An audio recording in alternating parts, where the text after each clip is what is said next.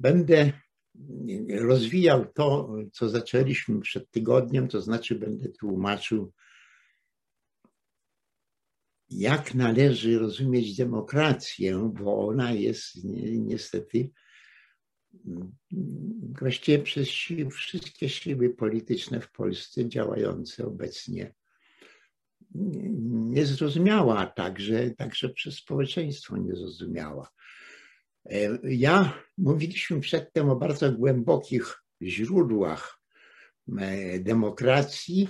W głębi starożytności powstawały już zarówno państwa jedynowładcze, tak jak Egipt, ale powstawały też państwa takie jak fenickie, czy później e, starożytnej Grecji, przynajmniej niektóre z nich, niektóre z nich e, bardzo rozwijały demokrację. Ale ta demokracja dotyczyła tylko niewielkiej ilości ludzi. I ta niewielka ilość ludzi, przed, którzy mieli prawa wyborcze, czyli prawa do korzystania z demokracji, e, e, trwała przez tysiąclecia. Trwała także w końcu XVIII wieku, ale w końcu XVIII wieku, czy w ogóle w XVIII wieku, zaczęły się pierwociny tej, tego systemu demokratycznego, który mamy dzisiaj. To nie jest system wymyślony w XXI wieku, ani w XX wieku, w znacznej mierze zbudowany w XIX wieku, ale to się zaczęło, to się zaczęło w wieku XVIII. I teraz zaczęło się w sytuacji, o której mówiłem, że w ogromnej większości państw ci ludzie, którzy mogli z demokracji korzystać, było ich bardzo niewielu. W Polsce było ich stosunkowo dużo, bo do 15%, ale w Anglii, która się stała państwem demokratycznym, w tym wyraźnie w XVIII wieku, to było tylko 3%. Do kilkunastu procent doszli w roku 1892.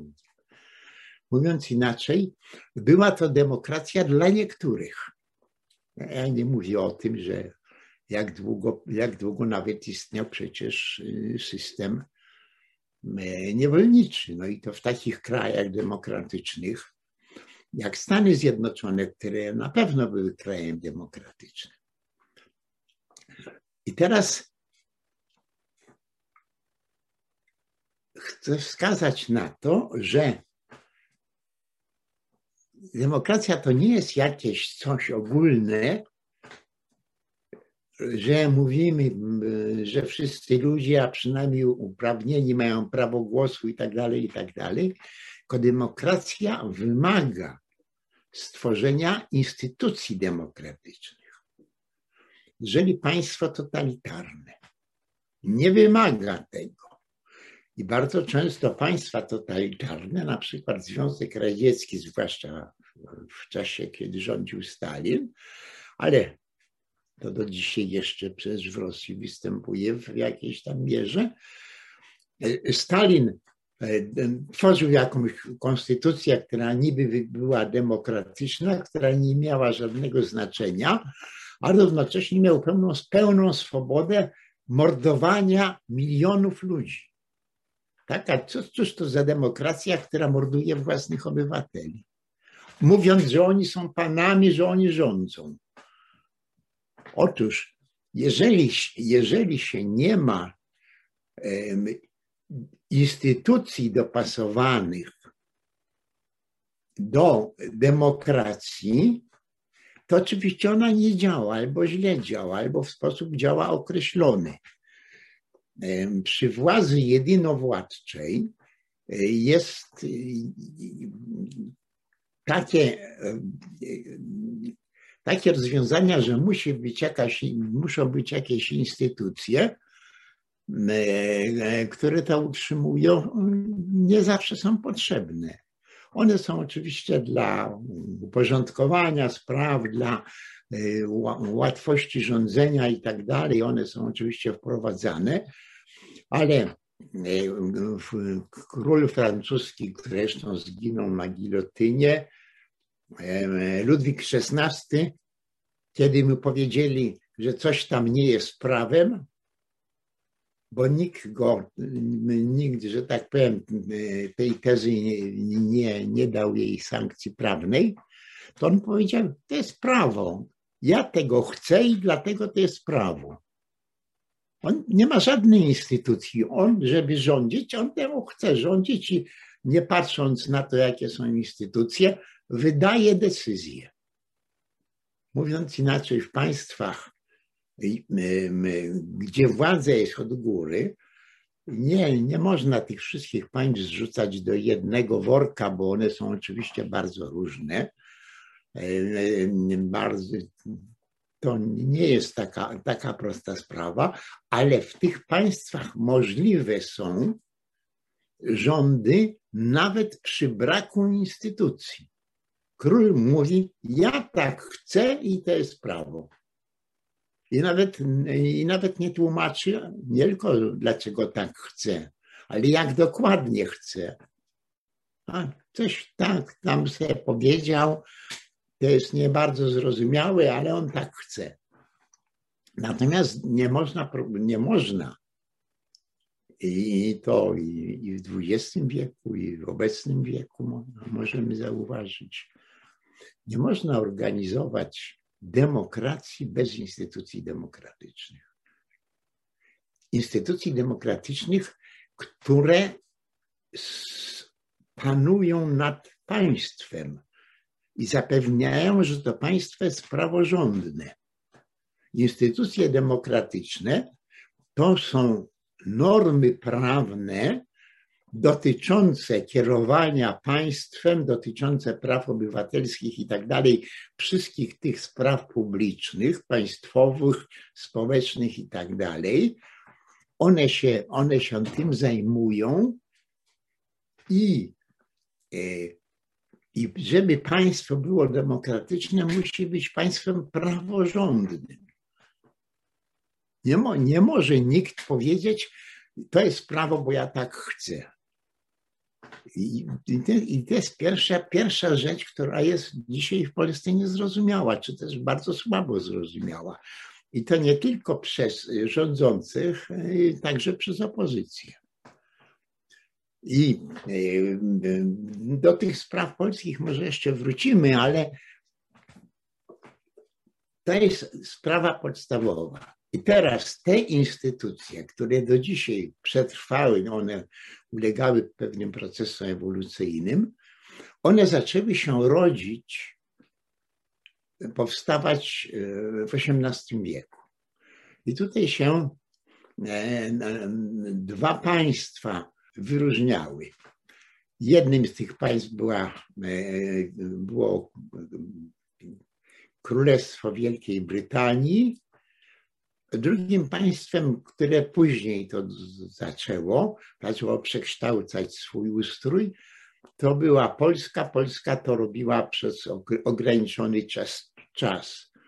Od, od reform y, po, y, po pierwszym rozbiorze takich drobnych reform, jak powołanie komisji nieustającej, to znaczy stałego, stale funkcjonującego rządu, pod, e, pod przewodnictwem króla.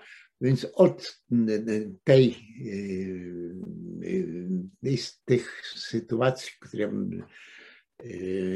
tych ustaleń, które były na Sejmie 1773 roku, który normował tam rozmaite kwestie po pierwszym rozbiorze, to one z przerwą trwały do roku 1831 do upadku powstania listopadowego. Przy czym była przerwa. E, tą przerwą był, e, był okres drugiego rozbioru Polski, e, nie trzeciego, bo trzeci w ogóle Polskę zlikwidował, drugiego, kiedy Zrezygnowano z Konstytucji 3 maja, wycofano się z Konstytucji 3 maja. I ta, i ten, ta przerwa była do końca epoki napoleońskiej.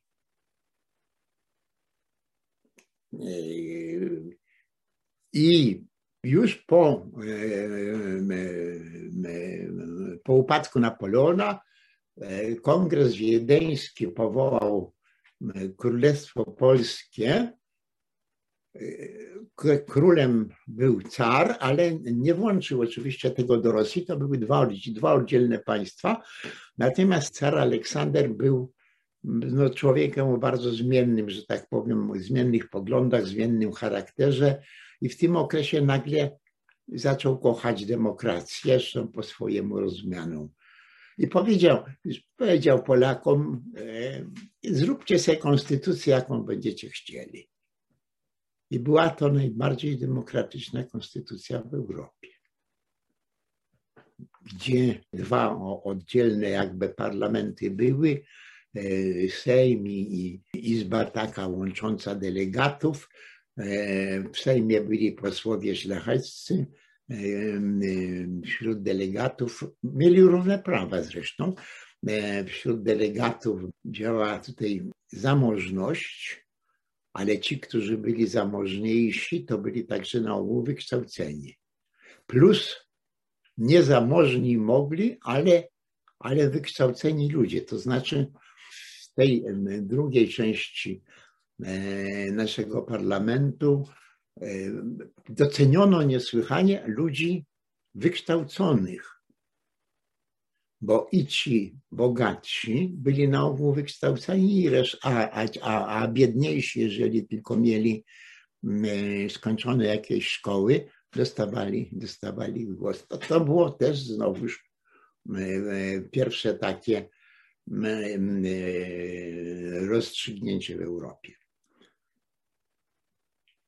Także Polska tylko przez pewien okres czasu w tym uczestniczyła. E, głównym krajem, w związku z tym, głównym krajem, który budował instytucje demokratyczne, była Wielka Brytania. I stało się to w sposób dość przypadkowy. Boczne skrzydło e, tej rodziny odsunięto od władzy, wymarła dynastia Stuartów, Ostatnie dwie, dwie królowe były już takie bardzo słabo rządzące, słabo się tym interesujące. Wybrano nową dynastię na, e, na tron brytyjski, dynastię elektorów hanowerskich. E, to było spore, jedno z większych księstw na, na terenie E, Rzeszy Niemieckiej, ówczesnej, no, jeszcze to się nazywało cesarstwo, nie?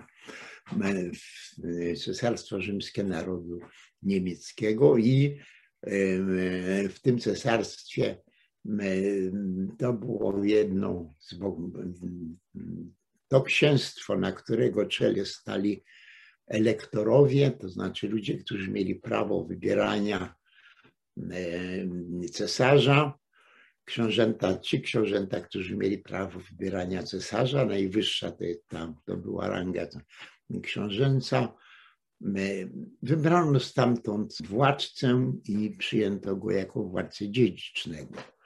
On nie znał angielskiego, nie bardzo się Anglią interesował, e, wolał siedzieć w Hanowerze i został, mówiąc, inaczej, nie, mówiąc inaczej, był to król, ale tak jakby go nie było. Był to e, król Wielkiej Brytanii, ale tak jakby go nie było. Jerzy I z dynastii Han hanowerskiej. I wtedy zaczął rządzić w Wielkiej Brytanii parlament. Ten parlament Wielkiej Brytanii był instytucją bardzo starą, jeszcze z okresu średniowiecza, tylko miał, miał takie okresy, kiedy e, wpływał na rządy, e, miał takie okresy, kiedy na te rządy nie mógł wpływać, miał takie okresy, kiedy walczył z królem, wygrywał, przegrywał, rozmaicie to bywało. w czasach Jerzego I nie miał z kim walczyć, ponieważ Jerzy I się tym nie interesował.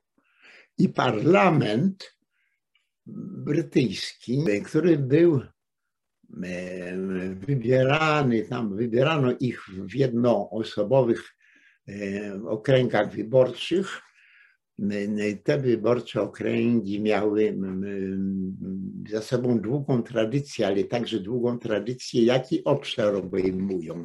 Wśród nich były tak zwane e, zgniłe miasteczka, e, e, które już dawno przestały być miasteczkami, gdzie tam było pięciu ludzi na krzyż i też mogły wybrać, też mogły wybrać posła do parlamentu.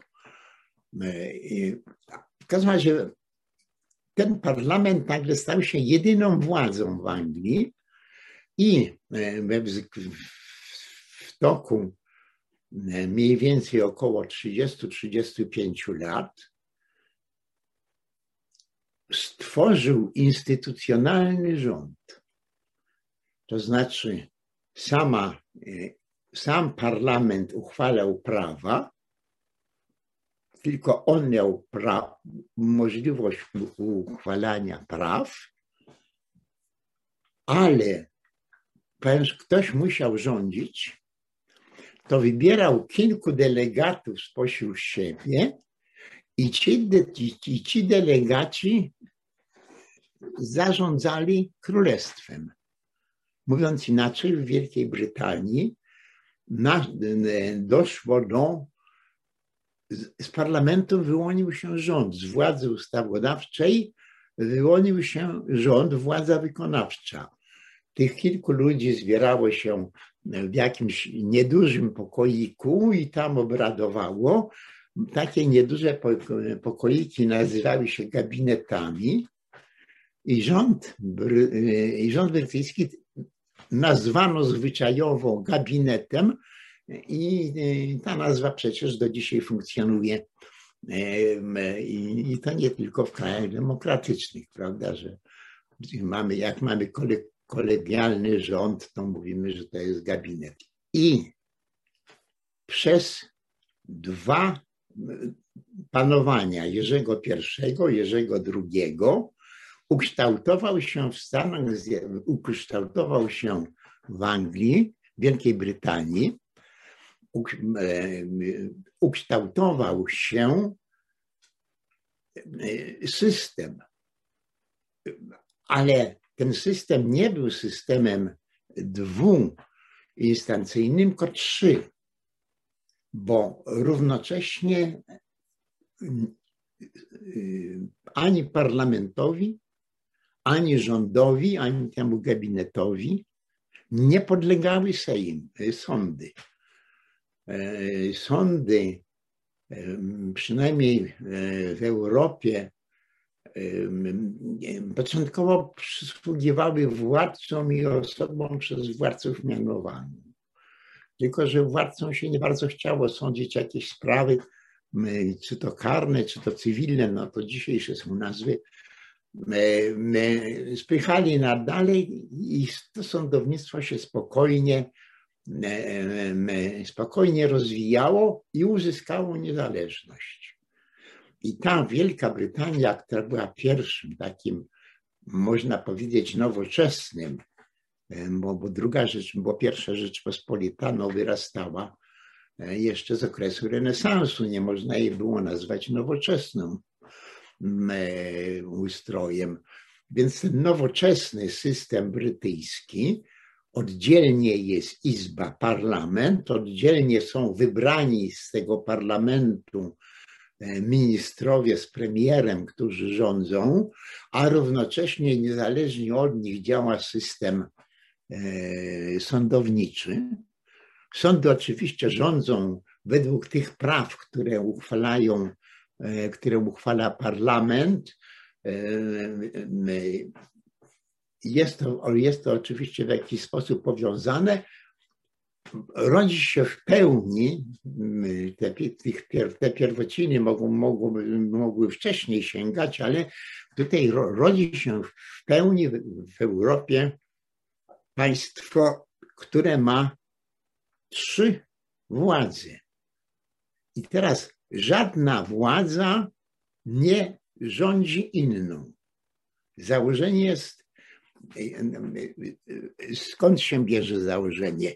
Między innymi z brytyjskiej, z brytyjskich doświadczeń.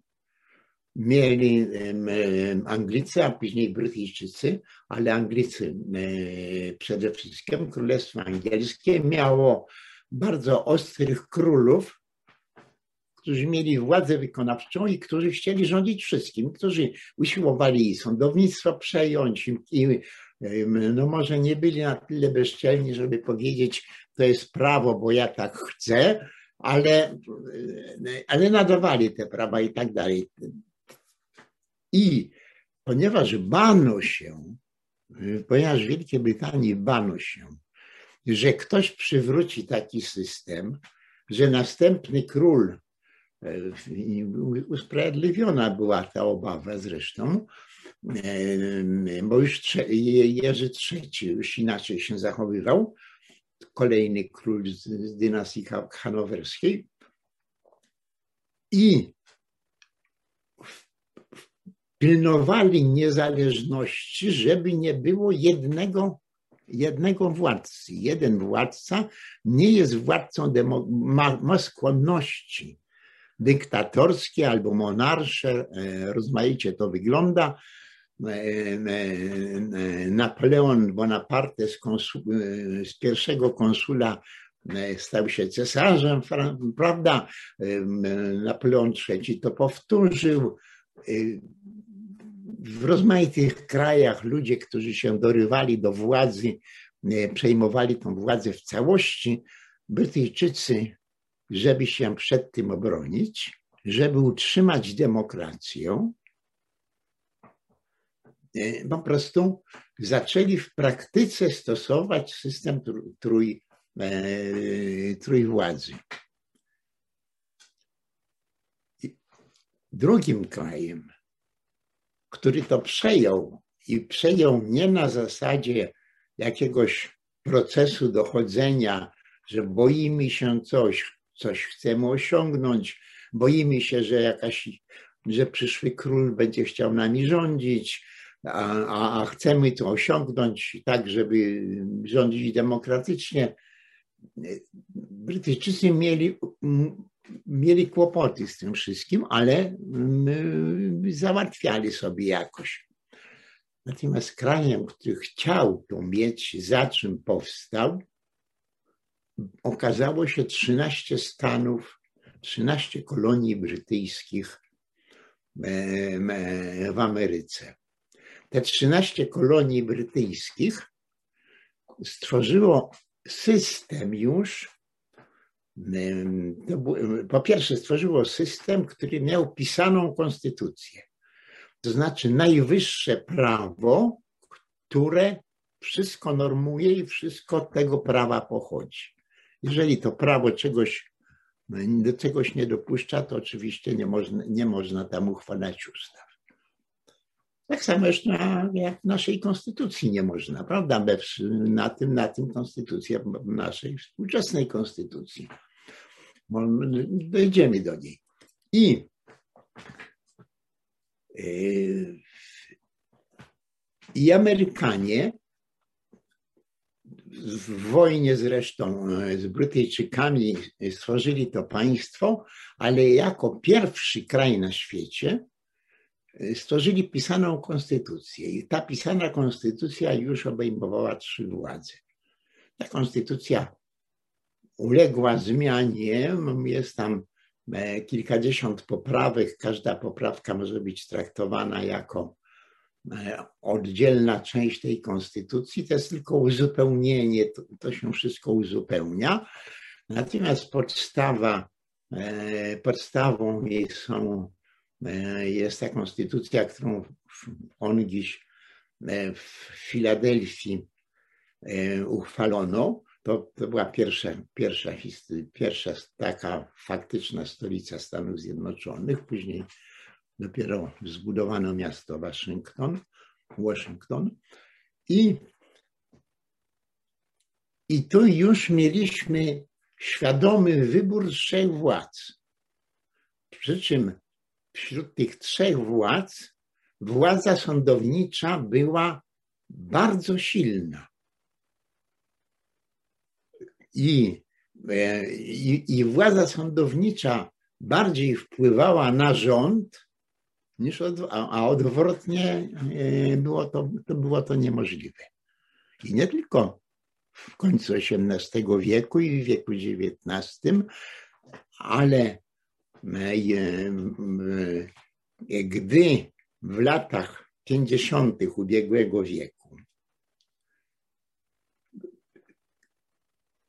amerykański parlament, Izba Deputowanych i, i Senat usiłował uchwalić ustawę, która zapewnia, miała zapewniać równość czarnoskórych obywateli, obywateli amerykańskich i białoskórych. I nie można było jej uchwalić, ponieważ ona nie, nie zdobywała żadnej większości. I wtedy w takim nie za dużym mieście, które się nazywało i nazywa do dzisiaj Topeka, w stanie Kansas, samym środku Stanów Zjednoczonych, E, jakiś facet, e, no kolorowy, jak to mówiono, e, nazwiskiem Brown, wystąpił do sądu miejscowego z wnioskiem, że nie jest przestrzegana konstytucja, która wszystkim ludziom daje równe prawa.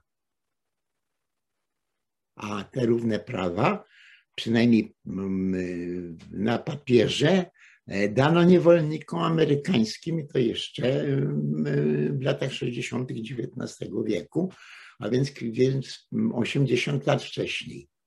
I, I państwo nie mają równych praw, to on występuje do sądu w tej prowincjonalnej miejscowości, żeby sąd stwierdził, że te prawa są równe i gwarantował równość praw.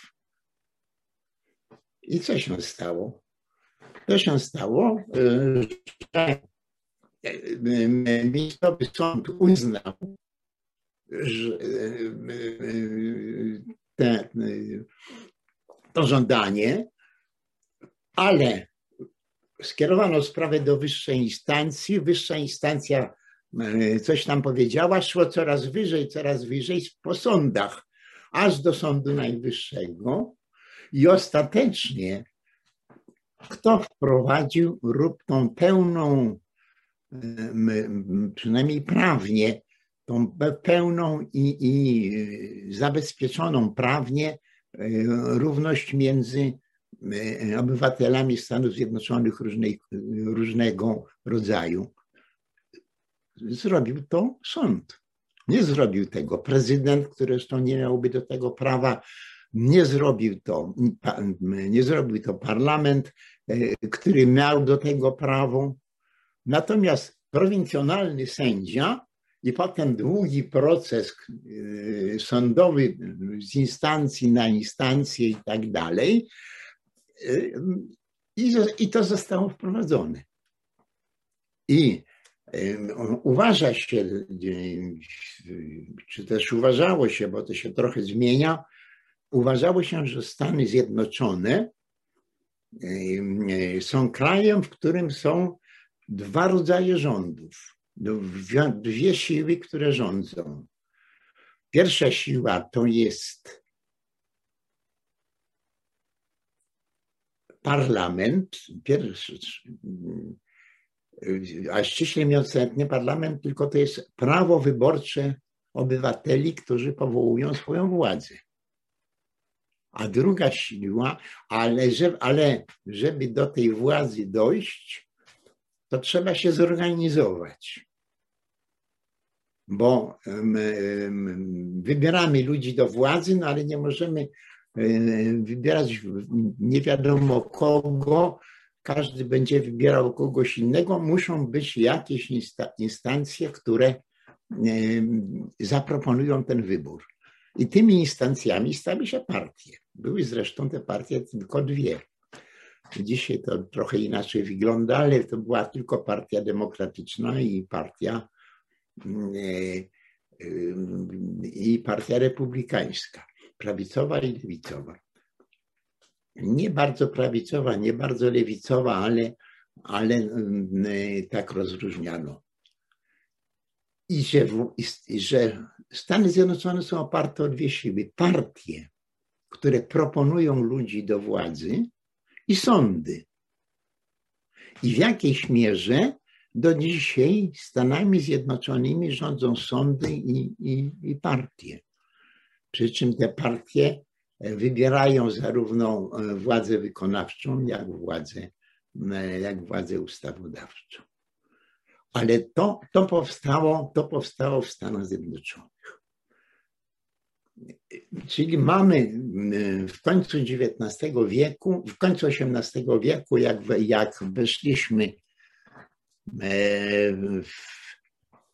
w ten rozwój, zaczęła się rozwijać demokracja, to te dwa kraje były krajami wiodącymi. Trzecim krajem, na który, na który e, przynajmniej w XVIII wieku, bo już później nie, w XVIII wieku e, zwracano uwagę, e, taki filozof francuski Rousseau uważał ustrój pierwszej Rzeczypospolitej za ustrój idealny, który powinien wszędzie być przyjmowany. On tam miał jakieś pewne poprawki do tego ustroju, ale wydał książkę, gdzie to niesłychanie chwalił. I, ale o, tym, o tej Polsce szybko zapomniano. Natomiast oczywiście Stany Zjednoczone i Anglia, i Wielka Brytania zaczęły budować instytucje demokratyczne.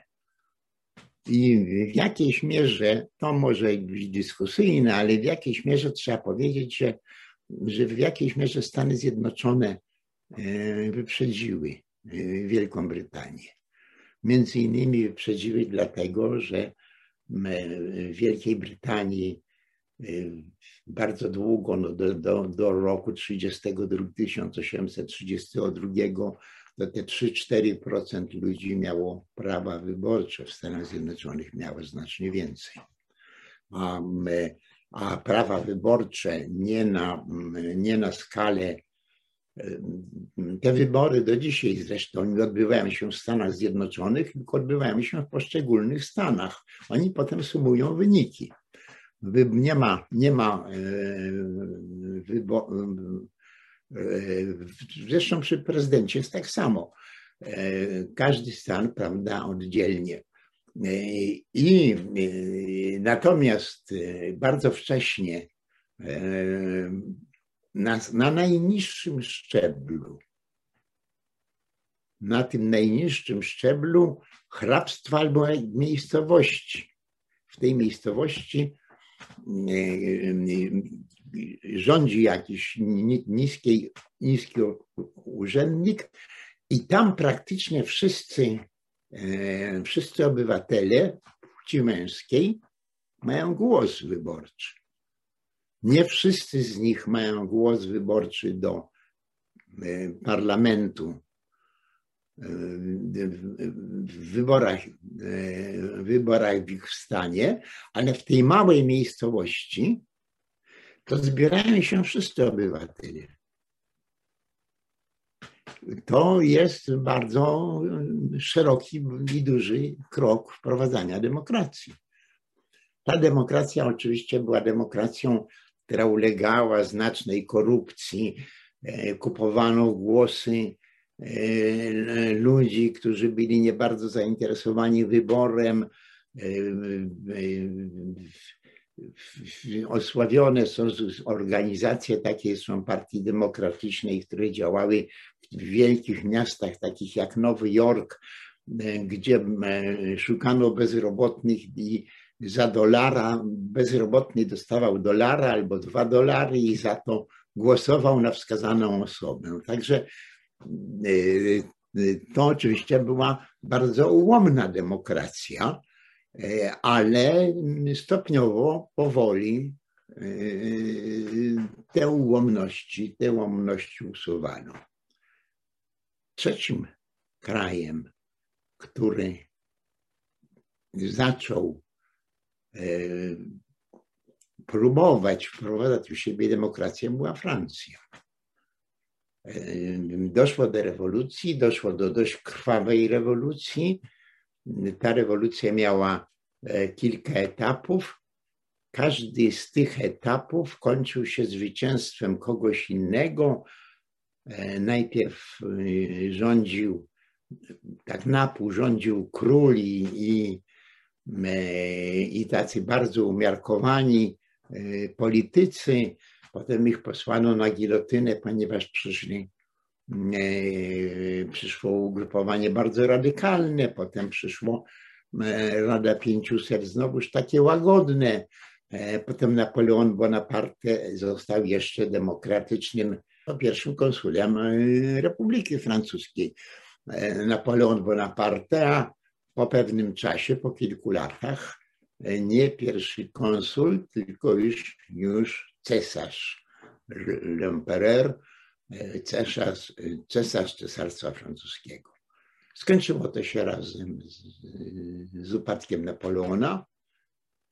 Wrócił system przedrewolucyjny, ten system się rozleciał w roku 1830 i od roku 1830 Francja pozostała jeszcze monarchią, ale już pod inną bocznym, e, bocznym, boczną linią Bourbonów, e, orlańską linią e, tej dynastii Bourbonów, a nie główną. Ale już miała rozwinięty parlament. I to jest ten pierwszy okres budowy, pierwszy okres budowy instytucji demokratycznych. Anglia, Stany Zjednoczone, Francja już podczas Wielkiej Rewolucji, a później po roku 1930 w Polsce to się skończyło w roku 1831, prawda? Jak już mówiłem, po prostu po przegranym powstaniu listopadowym, opanowaniu przez Rosję i już aż do czasów II Rzeczypospolitej, prawda, nie było żadnych, nie, przestała Polska dawać jakikolwiek wzór. Otóż a później, mm, później do czego wrócimy, to, to do tego państwa wzorcowego, no w jakiś sposób, w spory zresztą sposób dotarła też, ale to już jest XX wiek, to już później. Otóż w tym czasie ma, buduje się powoli, buduje się systemy demokratyczne. One są jeszcze bardzo takie prymitywne, one są bardzo niejasne. Są jakby dwa rodzaje budowy tych systemów demokratycznych. Pierwszy system to jest system polegający na tym, że obala się monarchię, tak jak nastąpiło to w 1000 1848 roku we Francji, obala się monarchię i powołuje się republikę. Rozwój demokracji w Szwajcarii jest bardzo jest ważny, ale tam to jest, ma bardzo taki szczególny system, e, który się nigdzie w Europie nie przyjął. Na razie to tą Szwajcarię zostawmy z boku. E, w Wielkiej Brytanii jest próba, próba Jerzego III, on e, zostaje królem w 1762 roku. On usiłuje przywrócić władzę królewską, nie likwidując parlamentu i uznając cały szereg uprawnień parlamentu, ale postawić króla ponad parlamentem. Jeżeli z tych czterech kolejnych Jerzych Pierwszy, pierwszy Jerzy w ogóle się nie zajmował Wielką Brytanią. Jerzy II się bardzo, bardzo, bardzo, się, bardzo słabo wpływał na, na władzę. Jerzy III się zbuntował, ale miał jakoś bardzo rzadką taką chorobę. Potraktowano tą chorobę, że zwariował. Dzisiejsi badacze jednak udowadniają, że, on, że to było coś innego, ale taka choroba, która powodowała takie rozmaite nieprzyjemne skutki żołądkowe i nie tylko żołądkowe, że facet mógł rzeczywiście wyglądać jak wariat to on próbował to przywrócić, ale zwyciężył parlament. Jerzy IV e, był już e, e, słabym władcą, który słuchał parlamentu. Kolejni, kolejni królowie, Wilhelm, cesarzowa, cesarzowa Indii, królowa Wielkiej Brytanii, Wiktoria, oni wszyscy po prostu nie bardzo, nie bardzo byli zainteresowani rządzeniem. I, I Wielka Brytania, będąc monarchią, w zasadzie miała rząd republikański. W Belgii ten, ta władza królewska w Belgii była trochę, trochę mocniejsza, ale ci pierwsi królowie Belgii e, byli przede wszystkim mocni dlatego, że, znale, że, zawłaszczyli sobie kolonię bogatą, a mianowicie Kongo. Dzisiejsze, dzisiejsza Demokratyczna Republika Konga, ongiś Kongo belgijskie. I z tego Kongo e, czerpali bardzo dużo pieniędzy, a ponieważ Kongo było własnością króla, a nie własnością Belgii, no, y, oczywiście ono było zarządzane przez Belgów, przez urzędników królewskich, ale było własnością króla, to ten król, będąc królem e, no, możnym z racji tych pieniędzy, odgrywał e, większą rolę. E, natomiast we Francji o, o, Francji może za chwilę trochę inaczej. No i, i Stany Zjednoczone, o których mówiliśmy. Stany Zjednoczone, które miały ciągle niewolnictwo, e, ale e, ta demokracja się systematycznie, taka mocno skorumpowana, ale ta demokracja się rozwijała. I, ten, i i to jest, e, jeżeli pierwszy okres, to jest okres, który się zaczął w XVIII wieku i gdzieś się skończył koło 1830 roku, to to jest drugi, e, drugi taki okres, aż do przegranej wojny przez Francuzów z Niemcami w roku 1870-71.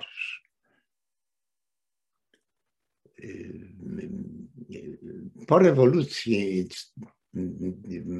wiosny ludów, rewolucja ta objęła różne kraje europejskie, ale była bardzo silna w Francji. Z tej rewolucji wyrósł bardzo taki lewicowy, bardzo radykalny e, polityk. E, Napoleon Bonaparte, Napoleon, późniejszy Napoleon III Bonaparte, e, Bonaparte pierwszy to był jego stryj, syn brata pierwszego cesarza i on najpierw na, jako dość ostro taki lewicowy e, został prezydentem Francji, później stał się cesarzem Francji. Nie jest, nie jest specjalnie ceniony, ale to był niezły władca. Miał jakieś choroby, które powodowały straszliwą boleść, ale się do tego nie przyznawał, ponieważ nie było na to, nie było na to ratunku. jego słabości, że tak powiem, zdrowotne się źle, źle odbijały na rządzeniu, bo w sumie, w sumie to, to był dobry, inteligentny, inteligentny władca, który zresztą starał się z tego cesarstwa francuskiego uczynić partię, uczynić państwo w miarę demokratyczne nie rozpędził parlamentu i tak dalej, i tak dalej. Po klęsce z Niemcami powstała, powstało, zaczęto budować państwo francuskie, zbudowano, ale zaczęto budować państwo francuskie jako królestwo. I Francuzi doszli do wniosku, że będą po prostu mieli króla e, opartego o konstytucję. E, ta konstytucja będzie bardzo spowoduje, że to będzie król bardzo słaby, ale to będzie, będzie monarchia i z prawdziwej tej głównej linii e, głównej linii Bourbonów tym władcą miał być książę, ale że go nazywano królem Henryk V. I przygotowano e, bardzo ograniczoną, przygotowano ustawę o powołaniu króla, e, który, która to ustawa temu królowi dawała bardzo niewielkie kompetencje. I w tym momencie król powiedział, że owszem, on się zgodzi zostać królem, może mieć niskie kompetencje, tylko on żąda dwóch rzeczy. Pierwsza rzecz, żeby zmienić sztandar francuski, trójkolorowy, bo to jest sztandar, sztandar rewolucyjny, i żeby przywrócić biały sztandar Bourbonów sprzed rewolucji. A druga sprawa to hymn francuski Marsilianka jest y, y, hymnem, jest pieśnią, która powstała podczas rewolucji i należy zamienić Marsiliankę na jakiś taki y, hymn państwowy, ale Bourbonów przed rewolucją. No i parlament się nie zgodził. Innego kandydata na króla nie było. I, Francu I Francuzi powiedzieli, to my powołamy prezydenta. I jeżeli e, tą podstawę tej konstytucji, prawie całą konstytucję opracowano w latach 1871-72, to w roku 1875 zrezygnowano z króla, ale jego uprawnienia przeniesiono na prezydenta francuskiego. I to się zaczęła Trzecia Republika Francuska. I teraz, dlaczego, dlaczego była to e, data przełomowa? Ponieważ powoli inne kraje europejskie, powoli inne kraje europejskie też się stawały demokratyczne. I mieliśmy tutaj dwa dwie formy. Niektóre królestwa zostawały królestwami i to bardzo długo, jeszcze do połowy XX wieku, czy tam do II wojny światowej. Niektóre państwa zostawały królestwami, ale królestwami, gdzie panowała demokracja i demokratyczny system. Ten system gdzie ważna jest po pierwsze praworządność, po drugie trójpodział władzy, po trzecie wybory. Przy czym te wybory właściwie są wyborami tylko jednej władzy, to znaczy władzy ustawodawczej. I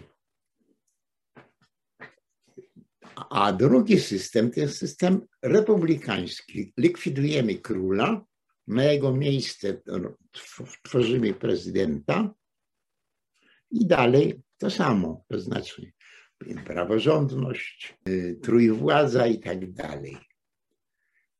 to wszystko zaczęło wyrastać, zaczęło wyrastać po prostu z francuskiej, e, z francuskiej konstytucji. W roku 1914, kiedy wybuchła pierwsza wojna światowa, większość krajów w Europie miała charakter demokratyczny. I większość krajów w Europie, z wyjątkiem, czy, czy większość krajów na świecie, z wyjątkiem czterech krajów Szwajcaria, Francja, Portugalia, Stany Zjednoczone. To te cztery kraje były republikami. Natomiast wszystkie pozostałe kraje miały monarchów, ale ci monarchowie byli związani konstytucją, mieli ograniczone, w różnych krajach różnie to bywało, mieli ograniczone stosunki i weszliśmy w wiek XX z bogactwem y, monarchii, książąt wielkich. Niektóre kraje na czele miały książąt, inne miały królów. Ta władza monarsza była już władzą bardzo mocno osłabioną. I, ale, ale w całej, praktycznie w całej Europie, poza Rosją, poza a poza Austro-Węgrami, one w ostatniej chwili, przed I wojną światową, w ostatnich latach przybierały już taki kształt bardziej, bardziej demokratyczny.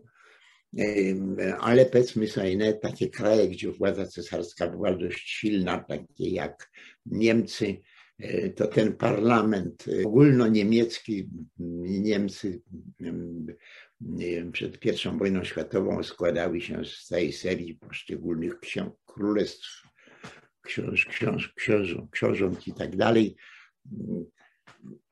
To w większości, w większości tych, tych krajów działały systemy demokratyczne.